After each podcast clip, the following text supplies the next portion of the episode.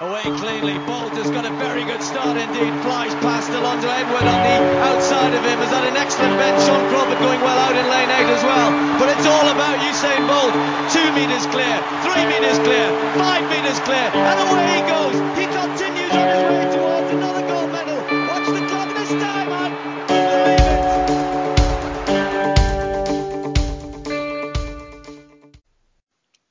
Pistten ilhamlardan herkese merhabalar. Bu hafta da yine birlikteyiz sizlerle. Cemaatimiz genişliyor anlaşılan. Bu hafta farklı iki arkadaşla birlikteyiz. Anıl'la ve Emrah'la başlamıştık. Berkan geçen hafta programa dahil olmuştu. Bu hafta diğer Emrah geldi. Emrah Güllüoğlu ve Berkan Günaydın şu anda karşımda. Arkadaşlar hoş geldiniz. Selamlar. Merhaba. Merhaba, ee, ben Şevket Furkan Erbay, ee, serbest atış ekibinden iki arkadaşımla birlikte bugün 1968 Mexico City'yi konuşacağız. Olimpiyat tarihini değiştiren dev organizasyonlardan biri tabii ki Mexico City'de atletizme odaklanacağız. Konuşacak çok şey var orada ama atletizmin bile e, bir bölümünü e, ancak bugün ele alabileceğiz sanıyorum. Biliyorsunuz programımız başladığından bu yana, e, pistten ilhamların başladığından bu yana ara ara böyle olimpiyat tarihine dalıyoruz. Bu sanıyorum üçüncü program ama e, Berkan ve Emrah'la birlikte ilk kez bir olimpiyat tarihi gezisi yapacağız bugün.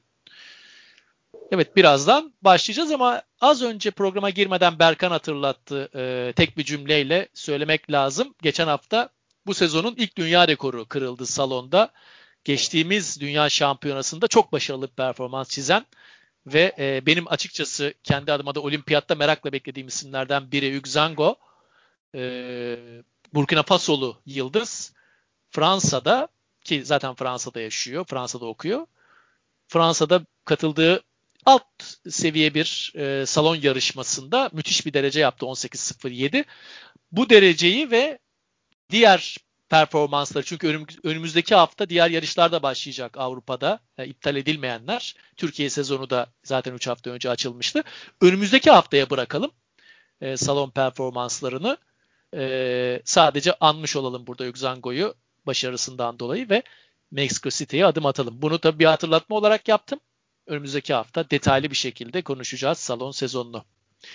Evet arkadaşlar 1968 dünyayı değiştiren yıl aynı zamanda e, öğrenci olaylarıyla ve toplumsal sosyal hareketlerle dünyanın devinim geçirdiği gençlik hareketlerinin zirve yaptığı bir yıl e, ve Martin Luther King gibi bir büyük e, ismin öldürüldüğü bir yıl e, ve dünyayı sosyal olarak değiştiren bir yıl. Bu çalkantılı yılın sonuna doğru Ekim ayında Mexico City'de atletizmde bir anlamda devrim geçirdiği bir yarışma yaşadı Mexico City'de. Emrah Güllüoğlu ile başlayalım. Bize ilkler nasıl ilkler vardı? Biraz özetlesin onları. Ben öncelikle şuradan başlayayım. Pistten İlhamların 3. bölümünde siz zaten aslında tartan pisti konuşmuştunuz. Oradan gireyim. Tartan pistin ilk defa bir olimpiyatlarda kullanıldığı olimpiyat oluyor. 1968 Meksiko City olimpiyatları. Aynı zamanda Latin Amerika diye tabir edebileceğimiz coğrafyadaki ilk olimpiyatlar oluyor. İlk defa bir olimpiyat meşalesi e, stadyuma bir kadın tarafından sokuluyor. Yani 1968 yılına kadar bunun olmamış olması biraz üzücü tabii. Ee, Üzücü ama şartlar gereği e, dünyada açıkçası pek beklenemezdi de. Çünkü kadın hareketlerinin de ivme kazandığı dönem 60'lı yıllar. Herhalde 68'in ruhuyla eşdeğer o da. evet bence çok Emrah evet, 1928'e kadar kadınlar olimpiyata almıyorlardı abi. Yani Do- doğru söylüyorsun. 40, 40 yıl önce çok değil. Aynen öyle. İlk defa elektronik zaman kullanılıyor ee, ve ilk kez kazananlar doping testine giriyor olması önemli bir nokta. Bir de bir, biz 1968 olimpiyatlarına bugün baktığımızda Kara Panter hareketinin e, o meşhur simge 200 metre finalindeki üçlüyü hatırlıyoruz. Onu daha detaylıca gireceğizdir ama biraz önce sen bahsettin 1968 dünyada politik olarak çok hareketli bir yıl. İşte Çin Halk Cumhuriyeti'nde kültür devrimi yaşanıyor. Çekoslovakya SSCB tarafından, Sovyetler tarafından kimilerinin işgal, kimi, kimilerinde liberalleşme girişiminin durdurulduğu olarak adlandırılıyor. Artık o bakırdan yöne göre değişiyor. Ee, Amerika'da zaten Martin Luther King'in de içinde bulunduğu hareketlerle birlikte barış ve sivil haklar gösterileri çok fazla yapılıyor. Fransa'dan zaten az önce öğrenci hareketlerinden bahsettim. Bir de son olarak e, Meksika'da üç kültür meydanında yaşanan e, öğrenci ve öğretmenlerin e, grevlerinin kanlı bir şekilde sonlandırılması da belki bu 68 olimpiyatlarına giderken dünyanın içinde bulduğu e, ruh halini anlamak için belki bunlardan da bir ufak bahsetmiş olmak iyi olacaktır Gerekir. diye düşünüyorum. Olimpiyatlardan hemen önceydi galiba değil mi? Bir evet. ay önce miydi? Evet çok yakın evet, bir evet. tarihte gerçekleşiyor. Aynen o şekilde. Evet böyle bir e, ortamda performans açısından ve yenilikler açısından da e, yepyeni bir e, çağ açtı. Tabii ki az önce vurguladığın ilkler arasında herhalde en kilit olanı tartan pist ve beraberinde yüksek rakımında beraberinde getirdiği e, derecelerin ve dünya rekorlarının bir patlama yapması ve aynı zamanda tabii ki ondalıklı zaman diliminden e, kronometreye yani foto finish'e, foto finish sistemine geçilmesi ve artık elektronik zamanın kullanılmaya başlamış olması ondan sonra artık giderek yayıldı. Gerçi 90'lara kadar vardı dünyanın tüm yarışmalarında e, kullanılmaya başlaması elektronik e, zaman sistem yavaş yavaş gelişti ama sonuçta olimpiyatlarda ilk kez 68'de kullanıldı. Evet karakterlerden biraz bahsedelim. Öncelikle bu olimpiyata ilk aklımıza gelen e, babalar, baba karakterler diyebileceğimiz ilk öne çıkan insanlar. Sonra e, arka planda kalanlara biraz odaklanalım. Geçen programda öyle yapmıştık. Mesela Bob Beamon. Abi şeyi söyleyebilir miyim? Beamon'dan önce e, Emre abi bir ekleme yapayım. Tabii. E, bu doping testlerinden bahsetti. Dopingten ilk diskalifiye olan e, sporcu e, bir pentatlet e, Hans Gunnar Lilian var. Tabii bizim konumuz değil ama enteresan olduğu için söylemek istedim diskalifiye olmasının sebebi yarıştan önce sakinleşmek için iki, iki tane bira içmesi. Ee, bu enteresan geldi bana. Bir de tabii bizim evet. konumuzda alakalı olarak sen yüksek irtifadan bahsettin. Ee, bu yüksek irtifa özellikle e, Afrikalı atletleri çok olumlu e, yönde etkiledi ve e, 800 metreden e, e, 800 metreden e, maratona kadar e, bütün disiplinlerde e, en az bir Afrikalı atlet madalya almış. Bu da e, enteresan bir not olarak e, eklemek gerekir sanıyorum. Ee, öyle ama asıl tabii ki performansa, derecelere etkisi e, sprint branşlarında. E, Afrikalıların yüksek irtifada yaşadıkları için uzun mesafelerde evet. Avrupalılar dökülürken madalya alması. Onda iki tane gerekçe var. E, gözden kaçan bir nokta var orada. Birincisi kendileri yüksek irtifada yaşadığı için tabii ki başarılı oldular. İkincisi de Afrikalıların gerçek anlamda ilk katıldığı olimpiyat bu. Yani ondan önce Aslında bir iki Etiyopyalı işte yani fazla e, şey yok. Ee, sahne, büyük kadrolarla geldiler. evet. Afrika'daki bağımsızlık hareketleri 60'lı yılların başında zaten gerçekleşti. Evet, evet. Pek çok Afrika ülkesi 68'den başlayarak 72-76'da ilk kez olimpiyatlara adım attı. Biraz da e, temsildeki fazlalıklarıyla da yani artan oranlarıyla da alakalı o. Hı. Ama asıl sprintleri etki ediyor biliyorsun. E, yüksek evet. mesafe, yüksek rakım. E, 100, 200 uzun atlama, e, 400 metre, 4 çarpı 100, 4 çarpı 400 e, sprint branşta, sprint ağırlıklı branşlarda müthiş bir rekor patlaması oldu. Mesela 10 saniyenin altı resmi olarak ilk kez burada koşuldu. Jim Hines e, 9.95 ile bir barajı kırmış oldu dünya rekoru. Daha sonra o 995 sanıyorum 83'e kadar falan kırılamadı.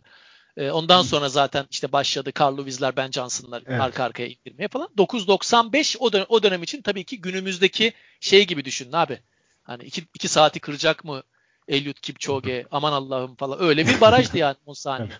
9.9'lar falan vardı ama hani onlar e, sonuçta elektronik kronometreyle ölçülen dereceler değildi. 9.9 e, manuel derece elektronikte 10.20 10.14'e denk gelir. 0.24 eklenir çünkü. E, elektronik dereceyle ilk kez 10 saniyenin altı. Bu, bu tarihi bir olaydı Jim Hines'ın başarısı. Tommy Smith'ten ve Kara Panter'den madem konu açıldı biraz Kara Panter'i anlat. E, gençler bilmez, seyirciler, e, dinleyicilerimizden de hiç duymamış olanlar da olabilir ama o kareyi mutlaka görmüşlerdir. O elindeki e, eldivenle podyumda kollarını havaya Abi, kaldıran ol, ki, olimpiyat tarihinin en ikonik olimpiyat tarihinin en ikonik fotoğrafı diyebiliriz herhalde değil mi? Abartı olmaz. Ee, evet en azından belki yani 3 en azından 5 diyelim de hani aklımıza bir şey gelmediyse Tabii. onu e, evet, en yani. ikonik anlarından birisi kesinlikle olimpiyat tarihinin. Biraz Emrah özetlesin bize onu. en ikonik protestosu desek sanırım o doğru olabilir ama herhalde. Evet. Ee, Gerçi zaten... bence Muhammed Ali'nin nehre attığı madalya da öyle ama olimpiyat e, satımı Doğru. halinde değildi. Baş, evet, Louisville'deydi. Evet, evet. Başka bir yerdeydi evet. yani. Evet abi. Evet bu 200 metre olimpiyatlarına geldiğimizde e, işte Amerika'da o sırada siyahlara karşı bugün de olduğu gibi bugün de Black Lives Matter hareketleriyle çok fazla e, haşır neşiriz. E, çok e, görüyoruz. Benzer bir dönemdeyiz. E, Tommy Smith e, dünya rekoru kırarak birinci oluyor. 1983 ile. İkinci sırada Avusturyalı Peter Norman var. Üçüncü sırada da yine Amerikalı vatandaşı John Carlos var. Tommy ile John e, kürsüye çıktıklarında bir protesto yapmayı zaten daha öncesinde konuşuyorlar. Bunu, e, yakalarına taktıkları rozetle de ve bir aslında ikisi de eldivenle çıkacak ama biri eldivenlerini unuttuğu için eldivenleri aslında teker giyiyorlar ve aslında bu daha ikonik bir sahneye sebep oluyor. Evet. Hemen e, aslında kürsüye çıkmadan kısa bir süre önce Peter Norman'la da aslında bu durumu görüşüyorlar. Peter Norman Avustralyalı aslında bir beyaz atlet ama Avustralya'da da o sırada siyahlara karşı ırkçı politikalar var. ve Pit... Aborjinlere. Evet. Siyah ab- yok da. e, doğru. Yerlileri daha doğrusu. Yerli, evet, yerlileri evet. Daha doğru. De, doğru bir tabir oldu. E, Peter Norman da bu harekete katılıyor. E, daha sonrasında e, bu olay yaşandıktan sonra tabii ki e, Uluslararası Olimpiyat Komitesi hemen Tommy Smith ve John Carlos'un olimpiyat köyünden gönderilmesini istiyor. E, Amerika'nın olimpiyat komitesi önce bir reddetse de sonra komple takımının e, yarışlardan çekilmesine razı olmayınca bunu kabul ediyorlar ve Smith ve Carlos olimpiyat köyünü terk ediyorlar o olimpiyat olimpiyat komitesi başkanının özel talebiyle. E, daha sonraki hayatları da e, tabii ki bu protesto üzerinden çok fazla gidiyor. Özellikle Peter Norman belki bir beyaz olarak tekrar Avustralya'ya döndüğünde bunun üzerinden çok fazla e, o da ayrı bir ayrımcılığa maruz kalıyor ve Peter Norman aslında halkta e, Avustralyalılar nezdinde çok büyük e, teveccüh görüyor Peter Norman. Evet. Sonrasında da ama medyada devlet nezdinde devlet evet, evet. O zaman daha aborjinler aborjinler 1967 yılında ilk kez nüfusları sayıldı. E, daha yeni yeni reconciliation döneminin başladığı yıllar Avustralya'da. Daha hala şey ama Avustralya tarihinin de 1960'lar en politik dönemlerinden biridir. E, Peter Norman medya bazında biraz ilk, ilk yıllarda ama sonrasında gerçek bir ikona dönüşüyor Avustralya'da. Gerçek bir Avustralyalıyı tanımladığı için orada e, çünkü asla bir Avustralyalı asla devletinin tırnak içinde devletinin görüşünü temsil etmez. Bağımsızdır çünkü kendi kendi görüşü vardır ve Peter Norman bunu orada özetliyor. Ve Avustralyalılar her zaman gurur duyuyorlar onunla. Halkta hiçbir zaman şey olmadı ama tabii ki medyada ilk zamanlarda biraz e, kulağını çekiyorlar.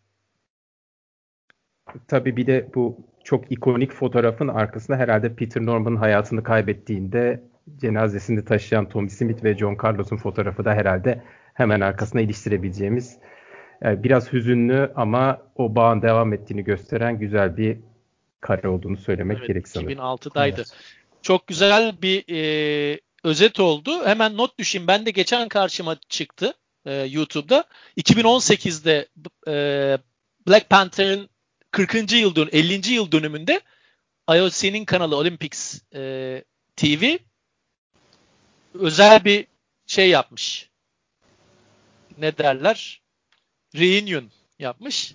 De, bir, bir araya getirmişler. Ee, daha doğrusu John e, uzaktan konuş. Geçen yıldı galiba pardon 50. yılda değil. Geçen yıl olabilir kayıt. E, çünkü pandemi nedeniyle telefondan bağlanıyorlar. Oradan hatırladım evet. geçen yılda. Evet. 2020 galiba kayıt. E, John Carlos'la ve Tommy Smith'le konuşuyorlar. Peter Norman'ın da kızı bağlanıyor. Öyle bir kayıt var. Çok güzel bir kayıt. E, onu izlemesini tavsiye ederim buradan herkese. E, ee, 200 metredeki bu unutulmaz e, seremoniyle ilgili. Evet Berkan, senle devam edelim. Yine unutulmazlardan bize hikayeler anlat bakalım neler var elinde. Abi sen e, biraz önce Bob Beeman'la zaten bir şöyle bir başlamıştın. Ondan hemen kısaca bahsedelim. Uzun atlama dünya rekorunu kırıyor Bob Beeman bu olimpiyatta. Hem de 55 santimetre ile e, geliştiriyor bu rekoru. Ve 1990 rekoru da söyle. e, rekor notlarım arasında yok. Sen söyle abi. 90. ya, unutulmaz bir rekor. evet. evet. E, ve 91 yılına kadar da kırılamıyor bu e, Aynen, rekor. Evet. 24 yıl boyunca e, evet. kırılamıyor. Hala da bu arada yıl kaç? 2021'e girdik. Hala Bob Beeman'ın derecesi dünya listesinde ikinci sırada arkadaşlar. Bu görülmüş şey değil. Atletizm tarihi. Şey yani. Akıl almaz bir derece. Yani e, tabii ki şeyle de alakası var. Birazcık e, yüksek rakım e, 2000 metre rakımda yarışılıyor. Yani o müthiş bir etki yapar şeye e, sprint branşlarına. Ama Bob Beeman'ın yani ekstra olağanüstü yetenekleri de hakikaten görülmüş şeyli. Carl Lewis'in idolüdür. Bak için çok uğraştı. Kariyerinde 8.95'i var Carl Lewis'in. 8.95'i ama rüzgarlı. Yani şu anda önünde değil. Olimpiya uzun atlama tarihinden büyük efsanesi Carl Lewis. Tartışmasız bir gerçek bu. 4 olimpiyat altını var. Ama abi Bob, Bob Beeman'ın hala gerisinde şu anda. Legal listede. Yani Mike Powell 1, Bob Beeman 2. Akıl almaz bir şey bu. Yani nasıl bir sporcu olduğunu da yani, yani zaten Carl Lewis'in bile geçememesinden Aynen anlayabiliyoruz. Öyle. İster yüksek irtifa olsun, ister ne olursa olsun yani. Tabii, tabii. Fark etmez. Tabii. Ee, yani tabii e, Al Oerter'dan bahsetmek gerekir herhalde. Disk atmacı. Yine ABD'li.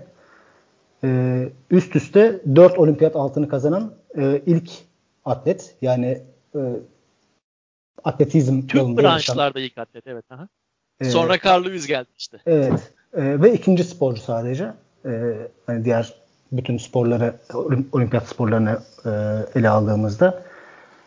E, onun dışında tabii ki e, yani biraz sonra Emrah da bahsedecek herhalde ama Dick Fosbury var. Ben Dick Fosbury deyip Emrah'a e, geri atayım pası isterseniz. Tabii tabii. Emrah. Tabii ben oradan... Değişiklikler hem... deyince, yenilikler deyince e, konuşulacak isimlerden birisi herhalde Dick Fosbury. Evet bu bugün e, literatüre Fosbury Flop diye geçen yani Fosbury atlayışı diye tabir edebileceğimiz bir atlayışla e, damga vuruyor aslında kendi branşına. Bugün hala sporcular aynı atlayışı kullanıyorlar. Kendisi aslında olimpiyatlara gelirken Valeri bir, bir kendisi Valeri Brumel hayranı. Sovyet atlet. O zamanın dünya rekortmeni. Evet 2.28 ile o sırada 1968'e geldiğimizde 2.28'de dünya rekoru onun elinde. Ki hani onu da belirtmiş olayım Dick Fosbury bu e, kendi geliştirdiği atlayışla bile aslında 2.24'te hala Brumel'i geçemiyor. Olimpiyat rekorunu evet. kırıyor ama dünya rekorunu kıramıyor. Dünya rekorunu kıramıyor. Aynı yarışmada deniyor bu arada. 2.29'u evet. denedi ama evet, geçemedi. Başarısız oluyor. Evet, evet. 2.24'te çok güzel hatırlattın onu. Bir şey daha söyleyeyim. Bir, Dick Fosbury kariyeri tabii. boyunca da hiç olimpiyat şey e, dünya rekoru kıramadı. Yani orada kıramadı. Bir kere denedi. Zaten galiba yanlış bilmiyorsam kariyerinde de dünya rekoru denediği tek sahne buydu. Yani 68 evet. Meksiko. Başka hiç kariyerinde hiç dünya rekoru kırmadan yüksek atlamanın tarihini yazmış bir adam. Dick Fosbury ilginç. Evet biraz enteresan da bir karakter. Biraz kendisini araştırdığımda biraz böyle e, tek başına yaşamayı seven ve çok da çalışkan olmadığına dair hani söylemler var. Çünkü ya şöyle bir örnek vereyim. 68 Meksika Olimpiyatlarının açılış törenine katılmıyor. O sırada işte Aztek tapınaklarını görmeye gidiyor. Öyle bir adam. Meksika'da neredeyse hiç antrenman yapmamış. Biraz tekniğine çok güveniyor. Ve birazcık aslında kafasını bu mekanik yani insan bedeninin mekanik şeyiyle birazcık bozmuş ve onu geliştirmek üzerine. O kadar da güveniyor.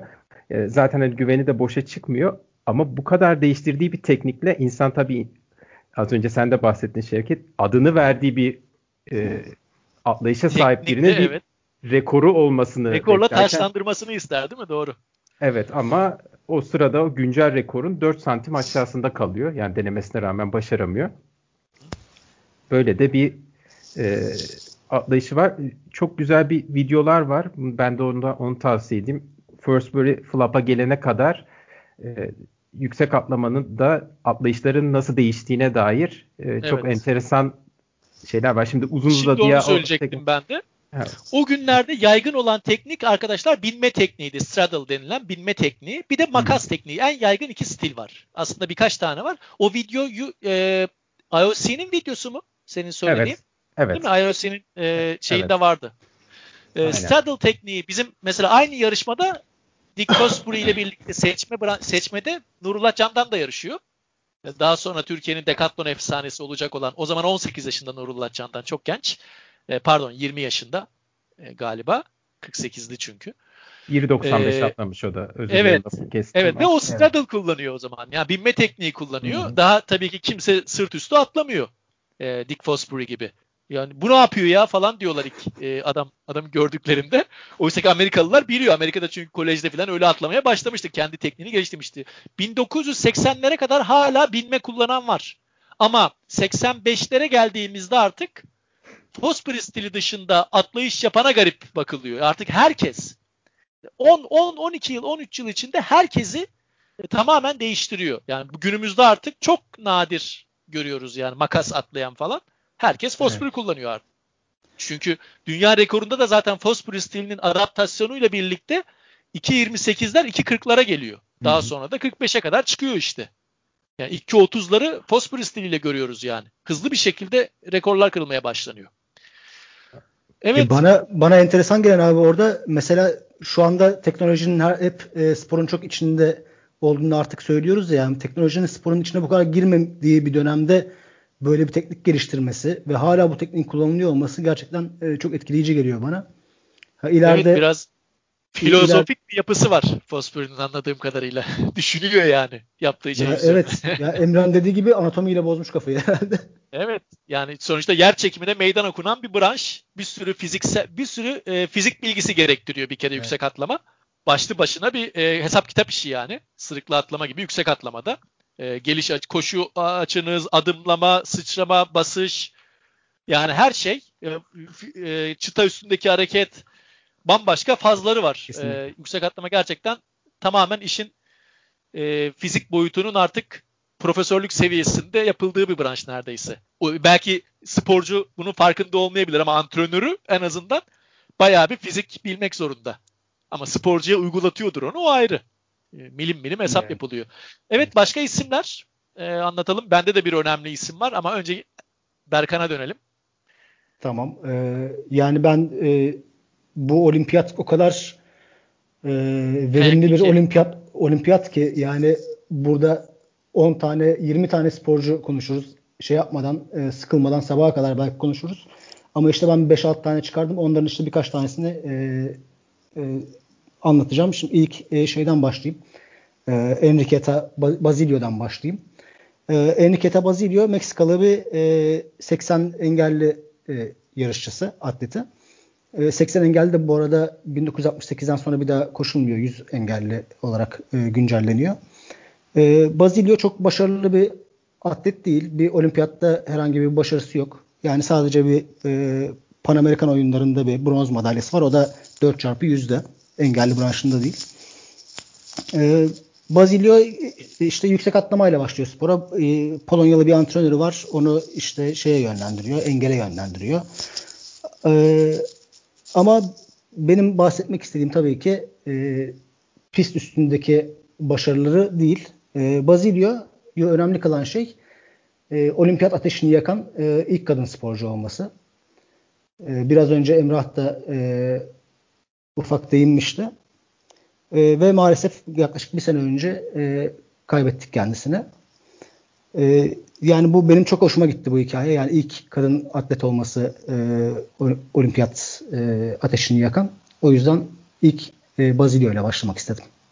Evet yani atletizmin böyle güzellikleri var aslında. E, kariyer anlamında hani hep kazananları hatırlaya, hatırladığımız bir branş değil. Böyle küçük hikayelere evet. sağda solda herkese e, bir e, pay veren bir pay dağıtan bir e, spor branşı. Aynı şekilde bir atlet olması, e, özel bir branşta yarışıyor olması ev sahibi ülkenin onu seçmesine sebep olmuş. Oysa ki Meksika'nın e, çok daha başarılı yürüyüşçüleri falan o dönemde kesin vardı. Tabii. Vardı zaten. Ama var yani. E, öne çıkan bir bir kadın figür olarak e, Enriqueta Basilio'yu seçmişler.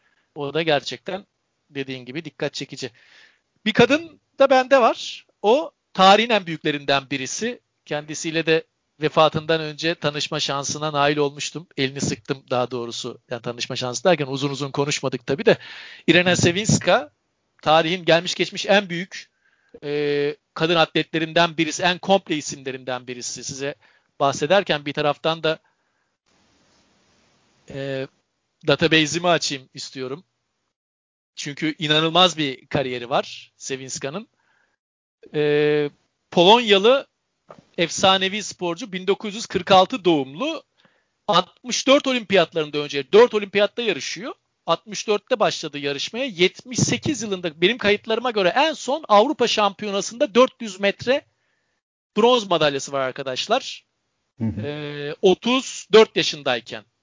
Yaklaşık 20 yıla varan kariyerinde 3 olimpiyat altını, 2 üniversiyat, 5 Avrupa şampiyonluğu, 2 Avrupa salon, 3 Avrupa U20 şampiyonluğu, 29 tane uluslararası madalyası olan tarihin en büyük atleti 100, 200 ve 400'de rekor kırabilen tek insan kadın şeyde atletizm tarihinde. Dünya rekoru kırabilen. 100, 200 ve 400. Akıl, ak- akıl almaz bir şey gerçekten. İnanılmaz. Her şampiyonada Polonya onu 5 branşta yarıştırıyordu. Yani 100, 200, 400'e giriyordu. 4x100, 4x400'de de Polonya'nın takımı çok iyiydi o zaman. Avrupa'nın en iyilerinden evet. biriydi Doğu Almanya ile birlikte. Mecburen onu da koşturuyorlardı. Çünkü hem 4x100, 4x400 aynı günde de oluyordu bazen. E 200'ün finali de aynı gün. Böyle bir 2-3 saat içinde 2 saat içinde 4 tane büyük yarışa çıkıp hepsinde böyle birinci ikinci olabilen anormal bir kadındı. İyi şey yapmamışlar ya. Sağ müsabakalarına falan sokmamışlar. Onlarda da madalya ee, Ama işte bak nasıl onları da bir anda yapsın. tabii şey heptatlon yapsa mutla muhtemelen şey yapardı ama tabii ki sprint de e, başlamıştı. Böyle devam etti. Uzun süre, çok uzun süre en üst düzeyde yarıştı. Yani 30 yaşını geçtiğinde anne olduğunda bile zirveden inmedi. Hı. 2017 Belgrad'da bizim Salih Münir Yaraş e, onursal üyesidir Avrupa Federasyonu'nun. Tabii o Irina Sevinska ile birlikte federasyonda üyelik de yaptı. Beraber aynı yönetim kurulunda. Salih abinin yanına geldi. Münir abinin yanına geldi selam vermeye bizim masamıza. Ben tabii hemen tanıdım yüzden. E, ismini söyleyince o da gülümsedi. Öyle bir atletizm tarihçisi olduğumu, gençlerin pek tanıyacağını düşünmediğimi ama benim onu tanıdığımı falan söyledim. Elini sıktım işte biraz şey yaptık. Çok sevindi tanıdığım için. Yeniler çok bilmez falan dedi. Çok, çok, çok İngilizce konuşuyor zaten. Ee, öyle o gün 2017'nin Mart'ıydı. Gördüğümde dedim bir büyük efsaneyle daha yani görüşmüş olduk dünya gözüyle. İki yıl sonraydı galiba hayatını kaybetti. 44 doğumluydu çünkü. Irena Sevinska. Ee, Irena Kirstenstein Sevinska, Sevinska e, Yahudi kökenli bir ailenin evet, isimden e, çocuğu ki tam da o e, İkinci Dünya Savaşı sırasında doğdu yani Polonya'da. Polonya Yahudilerine yapılanlar malum. Yani evet. o Kırım esnasında doğmuş bir acının çocuğu Irena Sevinska. Evet, tekrar anlatacağınız başka karakterler var mı? Alalım. Ben e, bir karakter değil de aslında şöyle 3 adım ben bu olimpiyatlara bakarken 3 adım atlamada 5 def 3 atlet tarafından 5 kez dünya evet. rekoru kırılması da e, bir enteresan bir anekdot. Onu da geçmek zikretmek gerek O da o da şöyle o da yine yüksek irtifa uzun atlamada evet. o öyle anormal bir rekor kırılırken 55 santim. 3 adımda da tabii ki 17.03 müydü başlarken rekor? Evet 17.03'tü yarışma başlarken. Evet. Yarışma içinde önüne gelen kırıyor rekoru. Evet 5 defa kırıyor. kadar çıkıyor. Aynen. Viktor, Viktor Sanayev. Sanayev mi kazanmıştı altını? Evet. Evet. Sovyetler. Efsane Viktor Sanayev. 3 adım demişken Aşkın abi de orada. Ee, Aşkın abinin hikayesini de madem buraya sıkıştırayım ben. Ondan sonra da Berkan'a dönelim. Tamam. Ee, ikinci kez olimpiyata gidiyor Aşkın Tuna. Türkiye tarihinde biliyorsunuz 16 metreyi geçen ilk kişi. Onun da e, 1967'de kırdığı, İnönü Stadı'nda kırdığı 16 metrelik rekor 16.01 ancak 1991'de kırılabildi. Yani Türkiye'nin Bob Beeman'ı bir anlamda Aşkın Tuna. İkinci olimpiyatı Tokyo'da çok toydu. Burada tam deneyimli zamanı. 27 yaşında artık böyle finale kalmak istiyor falan. Bana kendi anlattığı hikayeyi söylüyorum. Kimse diyor ilgilenmiyordu ben. Antrenörüm yoktu. Zaten 6 ay önce efsanevi başkan Naili Moran'ı kaybetmişlerdi. Naili Moran'ın hmm. kaybından sonra işte federasyon başkanı Jerfi Fıratlı uzakta oturuyor diyor. Yani nokta gibi diyor. Seçemiyorum. Dev gibi stadyum yukarıda oturmuşlar diyor. Antrenörüm yok. Isınma atlayışları sırasında bir de 20'li grupta mı neymiş? 20 kişi falan var grupta. Isınma atlayışlarında herkese diyor birer ak ikişer ak veriyorlar. Ee, vaktimiz yok. 20 dakika ısınacağız. Bir tane iki tane atlama hakkım ya var ya yok diyor. Adımıma bakmıyor diyor kimse. Üç adım atlamada malum adım ayarı çok önemli. Antrenör kenarda durur koşu e, yaparken sıçrama noktasında adımına bakar der ki işte yarım ayak geri al bir adım ayak geri al tam oturtmaya çalışır yani. Çünkü sporcu koşu esnasında e, şeyini oturtamaz ya adımını. Mutlaka adım evet. ayarına birinin bakması lazım. Genelde mesela antrenör olmayanlar rica eder birinden. Abi adımıma bakar mısın diye. E, kimse yok tabii. Baktım diyor Jerfi abiler yukarıda. Koştum diyor abi. Yarım metre diyor içeri bastım diyor şeye. tamam mı? Orada diyor baktım hiç kimse soracak bir şeyim yok. İçeri diyor bayağı girdim. Ama diyor ben o koşu esnasında sağla mı solla mı girdiğimi anlayamadım diyor. Ona göre bir şey yapmam lazım. Gittim diyor orada e, Kuka'yı tutan hakem orada ısınma süresi boyunca e, sıçrama tahtasının hemen yanında duran hakeme görevli evet. hakeme demiş ki ya şey sağ ayakla mı girdim sol ayakla mı girdim içeri demiş tamam mı? Ben diyor çünkü sağ girdiğimi düşünüyorum. Ona göre adımını çıkarmaya çalışacak kafadan. Evet. Yok sol demiş. Ya sağ olmasın ben sağla bastım. Yok yok sol eminim ya demiş hakem. Ona güvendim diyor. Sol ayakla diyor ona göre adım ayağımı yaptım gittim diyor markerımı geri aldım falan. Ee, sol ayakla meğerse diyor sağ ayakla ben doğru şey sağ ayakla girmişim. Adımı diyor bir türlü denk getiremedim. İlk iki hakkım faul oldu diyor o yüzden. Onun ayarını yapana kadar. Çünkü diyor ben ikinci ısınma atlayışımı yapmadan hakemler şeyi başlattı. Tamam süre doldu hadi başlayın atlayışlara. Çünkü çok kalabalıkmış liste. Abi ben diyor Türkiye şey dünya rekoru pardon olimpiyat finali göreceğim o yarışmada çok formdaydım diyor. Olimpiyat finali göreceğim o yarışmada işte bu adım ayarını yapamadığım için finale kalamadım. Bu benim için büyük bir ukteydi diyor. Şimdi bakıyorum 15-65 atlamış.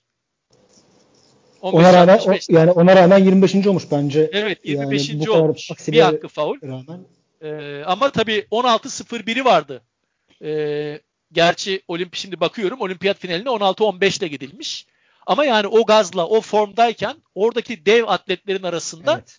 atlanabilirdi yani. 16-11 bir Türkiye rekoru daha kırabilirdi ama işte adım ayarına bakılmadığı için çok e, üzgün, mahcup şey bir şekilde o olimpiyatları tamamladı Aşkın abi. Şimdi de Antalya'da yaşıyor. E, Allah uzun ömür versin hala hayatta. Çok da iyi hatırlar. Ben çok kişiyle konuştum tabii. Böyle santim santim hatırlayan, dereceleri bile doğru hatırlayan ender e, hafızalardan birisi Aşkın Tuna. Onu da buradan anmış olalım. Evet. Ee, ben de mi devam ediyoruz? Evet. Şeye geçeceğim. Ee, bir çok önemli çok önemli bir isme geçeceğim ama ondan önce Nelson Prudencio'yu bir anmak istiyorum. Dünyanın en şanssız atletlerinden bir tanesi herhalde. Sicilyalı evet. Ee, 17-27 ile dünya rekoru kırıyor 3 adım atlamada finalinde. Ama ondan sonra gelen isim biraz önce bahsettiğiniz Viktor Sanayev yani dünyanın gelmiş en büyük en büyük atletlerinden bir tanesi. O dünya rekorunu geliştirerek altın madalyayı alıyor. Yani Prudencio'yu da buradan anmak istedim. Yani dünyanın en şanslı atleti olarak. Ee, ondan sonra e, Bu arada şimdi, Prudencio'nun bir tane de bronzu varmış bir sonraki olimpiyatta. Evet. Bir madalyası ee, orada da bir daha vardı. Yani iki kez podyumda yer aldı. Üç adım gibi sürekliliği çok zor bir branşta hakikaten büyük bir iş. Dört kez Güney Amerika şampiyonu olduğunu da hatırlatalım Nelson Prudencio. Evet. evet. Ee, Malezya'nın uçan doktoruna geçeceğim ben şimdi. Ee, Mani Jagatesan. Ee, şimdi e, Jagatesan tabi Malezya şu anda hani çok fazla e, atletizmde görünürlüğü olan bir ülke olmayabilir ama evet, hiçbir zaman olmadı aslında. Jagatesan dönemi sadece onu çıkarabildiler diyebilirim. Evet. Yani. Hiç ya, o dönemde hiç damga vuramadı. Tabii damga vurduğunu söylemek mümkün değil ama e, bu olimpiyatta birkaç tane e, koşu dallarında atletleri olduğunu e, gördüm ben. Hiçbiri tabii muhteşem dereceler yapamamışlar. Ama kime göre muhteşem, neye göre muhteşem diye sorabilirsiniz tabii. Kendine göre muhteşem dereceler. E, 60'larda e, ki altın çağının Malezya atletizminin 60'lardaki altın çağı e, 1960'lar altın çağı olduğu e, söylen, e, söyleniyor. E, ve bu çağın en önemli atleti olarak değerlendiriliyor e, Cegatesan. E, hatta e, zirve döneminde Asya'nın en hızlı adamı olarak biliniyor. E, böyle bilinmesinin nedeni de e, 1966 Asya oyunlarında Bangkok'ta düzenlenen e, 100, 200 ve 4 çarpı 100'de altın madalya alması. E, 68, e, 68 Kosit Olimpiyatlarında e, yarı finalde eleniyor. E, ama e, ilk turda yaptığı 20.92'lik derece e, kendi ülkesinin rekoru yani ulusal rekoru kırıyor ve bu rekor 2017'ye kadar kırılamıyor. Yani ben hala duruyordur diyecektim. Bak kırılmış yani, yakında kırılmış. Hatırlıyorum evet. çünkü bir ara aktif oldun o rekorun. Yani e, ülkesi için ne kadar önemli olduğunu, önemli bir atlet olduğunu e, an, anlayabiliyoruz buradan. Kapatmadan şuradan şu notu da ekleyeyim ben. Tam e, ilgili tane. ben de ekleyeyim. 34 tane madalyası var Malezya'nın Asya oyunlarında toplam. 34 fazla değil. Bu 34 Bunu... madalya tüm branşlar, tüm Asya oyunlarındaki atletizmde 34 madalyanın 7'si Jagatesan'dan gelmiş. Yani, yani Asya oyunlarında 7 tane madalyası var adamın. Ee, ve yani takımının ya tüm atletizm tarihinin neredeyse en büyük oyunları Asya oyunları olduğu için söylüyorum bir Asya ülkesi için. Çünkü hmm. daha büyük bir başarısı yok Malezya'nın. Ee, 34'te 7 yani 4'te birine bu adam imza atmış. Malezya tarihinde de en fazla uluslararası madalyası olan adam. Evet yani efsaneler deyince işte olimpiyat altınları vesaire dünya rekorları falan aklımıza geliyor ama e, Jagatesan gibi isimler de birer efsane yani. Tabii ki abi efsane ölçekle alakalı bir şey. Yani Tabii. dünya ölçeği var, Asya ölçeği var, e, Çankırı ölçeği var, A, Muğla ölçeği evet. var. Her yani ne, nereden Tabii, tuttuğunla alakalı. Onun için küçük ülkeler programını yaptık. Onun için Hı-hı. atletizm hani bu açıdan çok zengin bir tarihçeye sahip. Evet. Yani tutup da Jim Hines'la kıyaslamayacağız Jagatesan'ı tabii, tabii ki. Çok haklısın o konuda. Uçan doktor anmış olduk böylelikle. Hayatını kaybetmişti o da yakınlarda yanlış hatırlamıyorsam.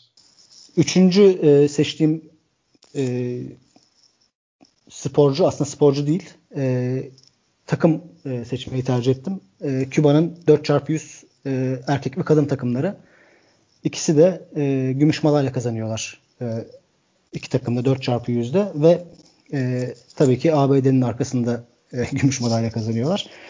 E, iki aslında e, tarafın farklı hikayeleri var. E, işte erkekler, erkek 4x100 takımı hem e, birin, hem yani ilk turda hem yarı final e, serisinde ABD ile e, aynı heat içinde ve ABD'yi geride bırakıyorlar e, bu iki yarışta da.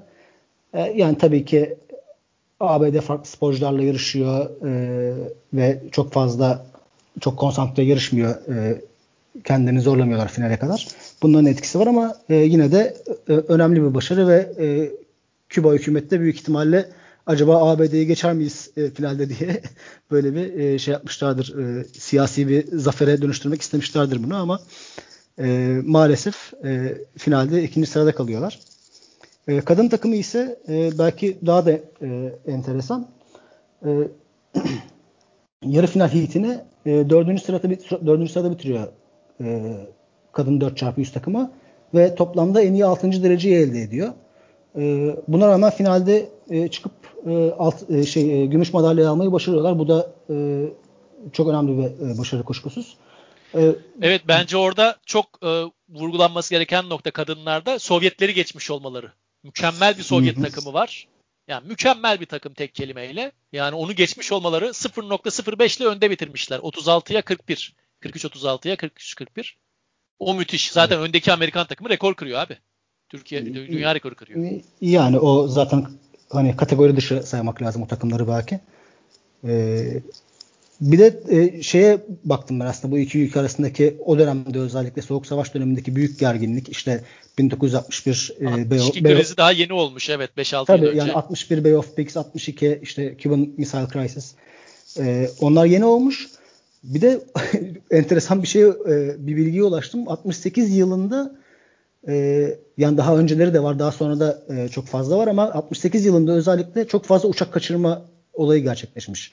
Hem Kübalılar hem Amerikalılar tarafından işte. Küba uçakları, Amerikan uçakları işte Chicago'dan işte e, Küba'ya giden, işte Küba'dan Miami'ye giden e, vesaire. E, yani 20'den fazla uçak kaçırılmış o sene. o çok daha ya, Onun bana. sıcaklığı daha üzerlerinde yani olimpiyada. Ya evet. Yani bunun sebebi tabii işte ABD'den Küba'ya e, sınır dışı edilmeleri engellemeye çalışmak ya da Küba'dan ABD'ye kaçmak falan gibi böyle daha çok bu tip sebepleri var. Hani terörizmle e, tam olarak alakalı değil ama ilginç evet. e, yani evet. o sene böyle bir şey e, yaşanmış. konular uzar. O yüzden e, biraz kısaltacağız tabii. Hızlı bir tur daha atalım. E, Emrah'a geçmeden önce bayrak yarışlarıyla ilgili bir iki notum da benim var. E, Küba takımında Enrique Figueroa'ya dikkat çekmek isterim. Erkek takımında senin bahsettiğin Amerikanlardan ikinci olan 38-40 koşan o takımda Küba tarihinin o dönemdeki en iyi isimlerinden biri var. Onun eş değeri, kadınlardaki eş değeri de e, Fulgencia Romay. Bu iki isim Küba tarihinin en büyük 2-3 sprinterından biridir. Aynı döneme denk geliyorlar ve 60'lı yılların başında dünyayı e, Pan Amerikan oyunlarını ve Amerikan atletizmini domine ediyorlar. Amerika kıtası atletizmini. O dönemde dolayısıyla Küba'nın böyle bir kuşağa denk gelmesi Sovyetleri geçmiş olmasının önünde şey e, birinci sebebi bana sorarsan.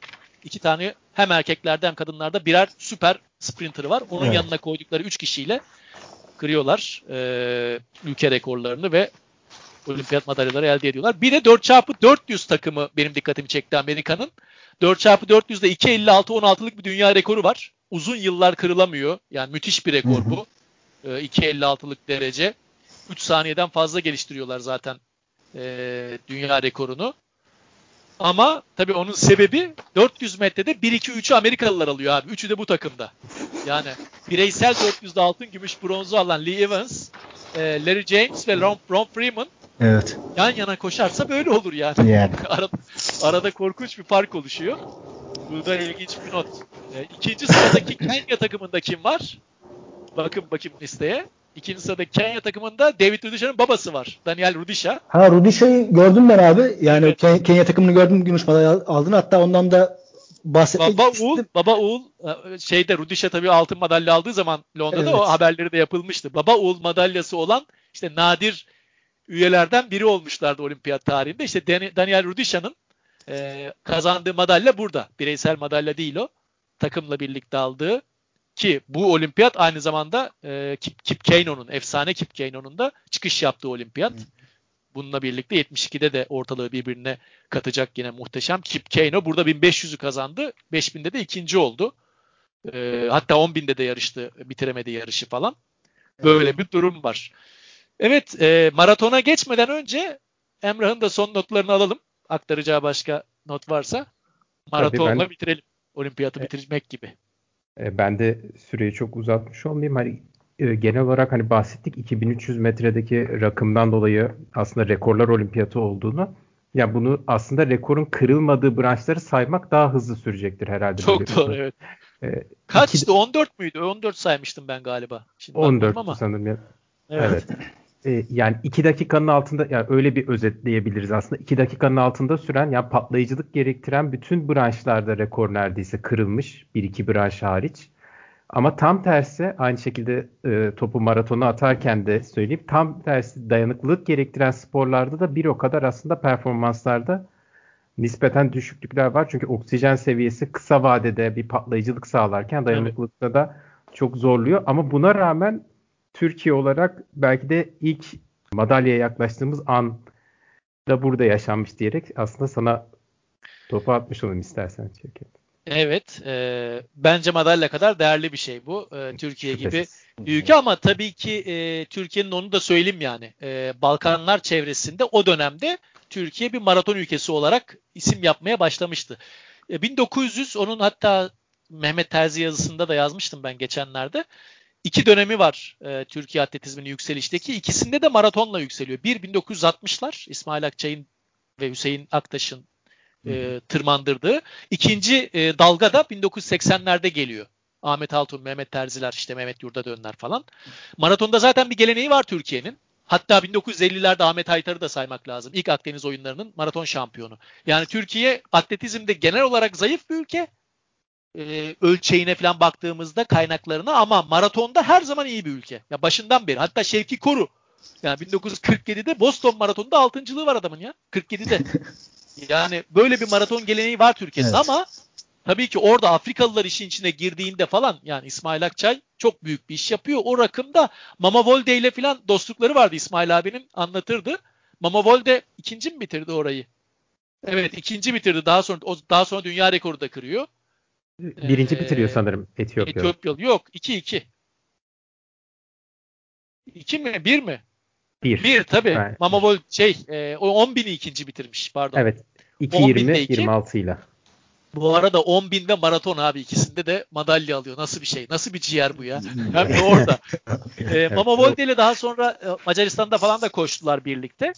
E, Etiyopyalı. Bu yarışta yarış bittikten sonra hastaneye kaldırılıyor İsmail abi. Anlatıyordu. Yani herkese oksijen e, teda şeyi yapılıyor. Takviyesi yapılıyor müsabaka bittikten sonra.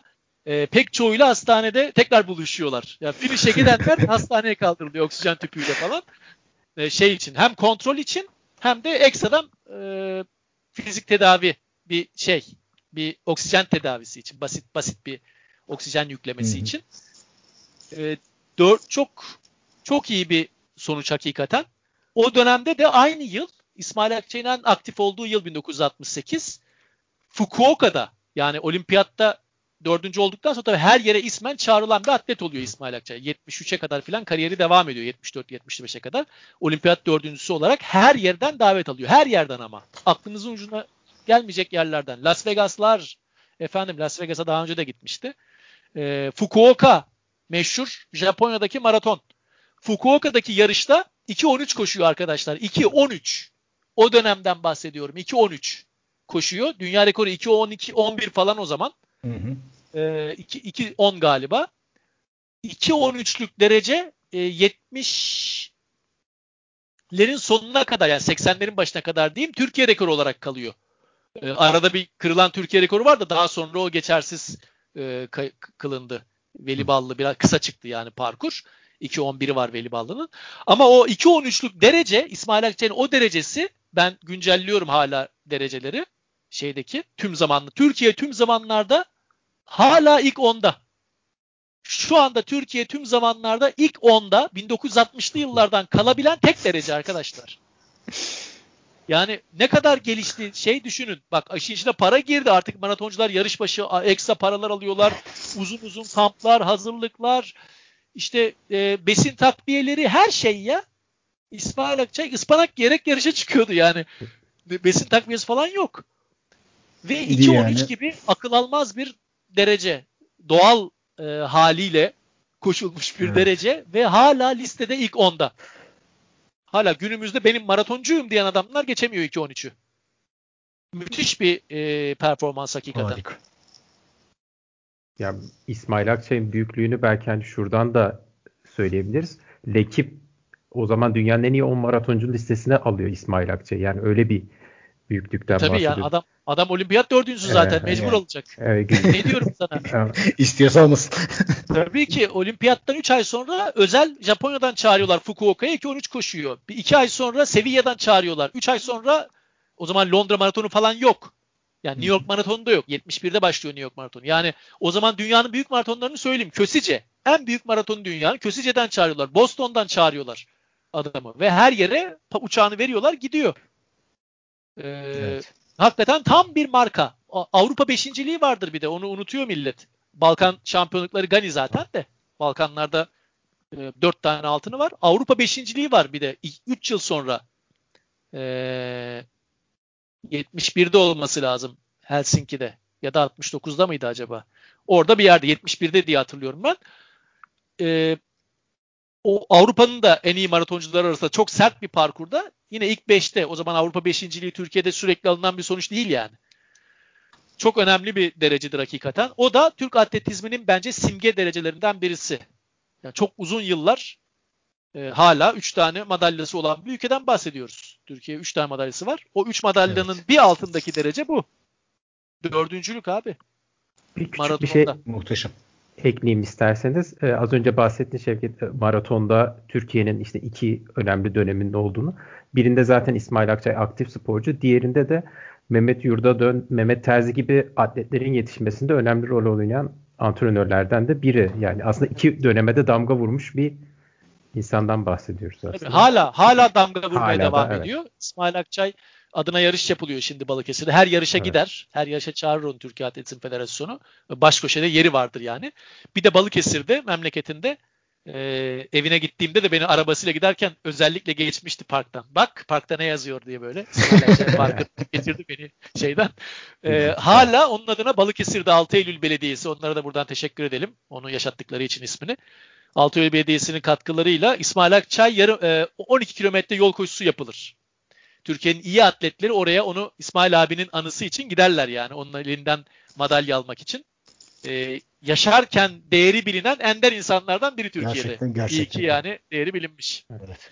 Önemli evet Berkan kapanış sen yap. Bitirelim fazla uzattık. Kapanışı e, Akvari ile yapalım. John Steven Akvari ile. Maratonda Akvari sonuncu oluyor. O zaman niye bahsediyoruz diye sorabilirsiniz kendisinden. Tanzanyalı Akvari e, yüksek irtifada yarışmaya alışık olmadığı için e, kramplar yaşıyor maraton yarışı sırasında ve yarışın 19. kilometresinde de bir pozisyon alma mücadelesinde e, yere düşüyor. İşte dizine vuruyor. E, diz kapağı yerinden çıkıyor. İşte omzundan sakatlanıyor. Bu halde ya. Hatırlatalım evet, daha yarım maratona yani, gelinmemiş evet, yani. Daha daha daha yarısı daha yarısına gelinmemiş yarışın.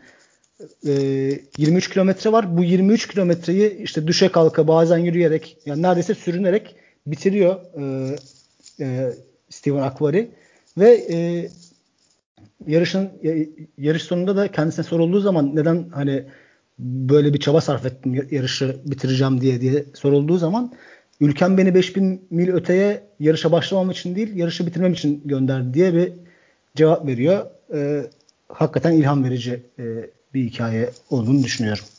Evet. Olimpiyatın ruhunu en iyi özetleyen anlardan biri Akbari'de. Abi bir de kapat, kapat, kapatmadan bir şey soracağım sana. Bir atlete rast, e, rastladım. 20 kilometre yürüyüşçü Roman. 9. olmuş. İsmi Leonida e, Karayosifoğlu. Yani Karayosifoğlu. Evet. Evet evet. Sen, e, yani bilgin biliyorum, var. Biliyorum. Balkan şampiyonlukları da var. Sıklıkla evet, yarıştı. Yani, ben biraz araştırdım kendisini böyle hani Türk kökeni vesaire hani Türkiye'den yok, göçme durumu yok, vesaire yok. var diye ama da biliyorsun öyle soyadlar şey. var. Evet, ama şey bizim var. İstanbul'da falan 6-7 kere yarıştı. Bizim e, yürüyüşçülerle de yarışıp. Karayusufoğlu e, Rumen şampiyonluğu var. 3-4 kere Balkan şampiyonluğu var. E, Roma, Romanya hiçbir zaman yürüyüşte önemli bir ülke olmadı. Burada kaçıncı oldu dedin? 9. olmuş. 9 fena bir sonuç değil evet, tabii. O evet. zaman gerçi e, henüz daha yürüyüş devleri ağırlığını koymamış durumda ama bir, bir Romanya de, bir de 69'da Avrupa ikinciliği varmış. Heh, işte en önemli başarısı o herhalde. Evet. 3-4 kere de benim hatırladığım Balkan şampiyonluğu var Karayusufoğlu'nun e, uzun yıllar ülkesinin rekortmeniydi. Onu hatırlıyorum. Yani 80'lere kadar falan onun rekorları kaldı ama Türkiye ile bir bağlantısı tabii ki yok. Öyle bir şey yok. İsim benzerliği diyelim. Yanlış hatırlamıyorsam bir de kardeşi vardı. Bir, bir Kara Yusufoğlu daha var. E, çünkü ben kayıtlarda denk geliyorum bazen. E, ama o o kadar başarılı değil. Ama emin değilim buna. Evet arkadaşlar ağzınıza sağlık. Teşekkür ediyorum. Biz teşekkür ederiz. 8'in unutulmaz anlarına şöyle bir yolculuk yaptık. Biraz yine uzadı galiba kayıt ama e, herhalde dinleyicilerimiz şey hoş görecektir bizi. Çünkü 68 Meksiko'yu konuştuk. Evet, yani. Çok normal bu kadar uzatmamız. E, daha konuşmadığımız bir sürü kişi oldu. Onlardan da affını diliyoruz. E, bu haftalıkta bu kadar. Önümüzdeki hafta dediğim gibi biraz güncele olimpiyat e, olimpiyat yılına girdiğimiz bu sezonda biraz salon yarışlarına değineceğiz. Emrah Güllüoğlu ve Berkan Günaydın'la birlikte hepinize ben Şevket Furkan Erbay. İyi bir hafta sonu ve mutlu günler diliyoruz. Haftaya tekrar görüşmek üzere. Hoşçakalın. Hoşçakalın.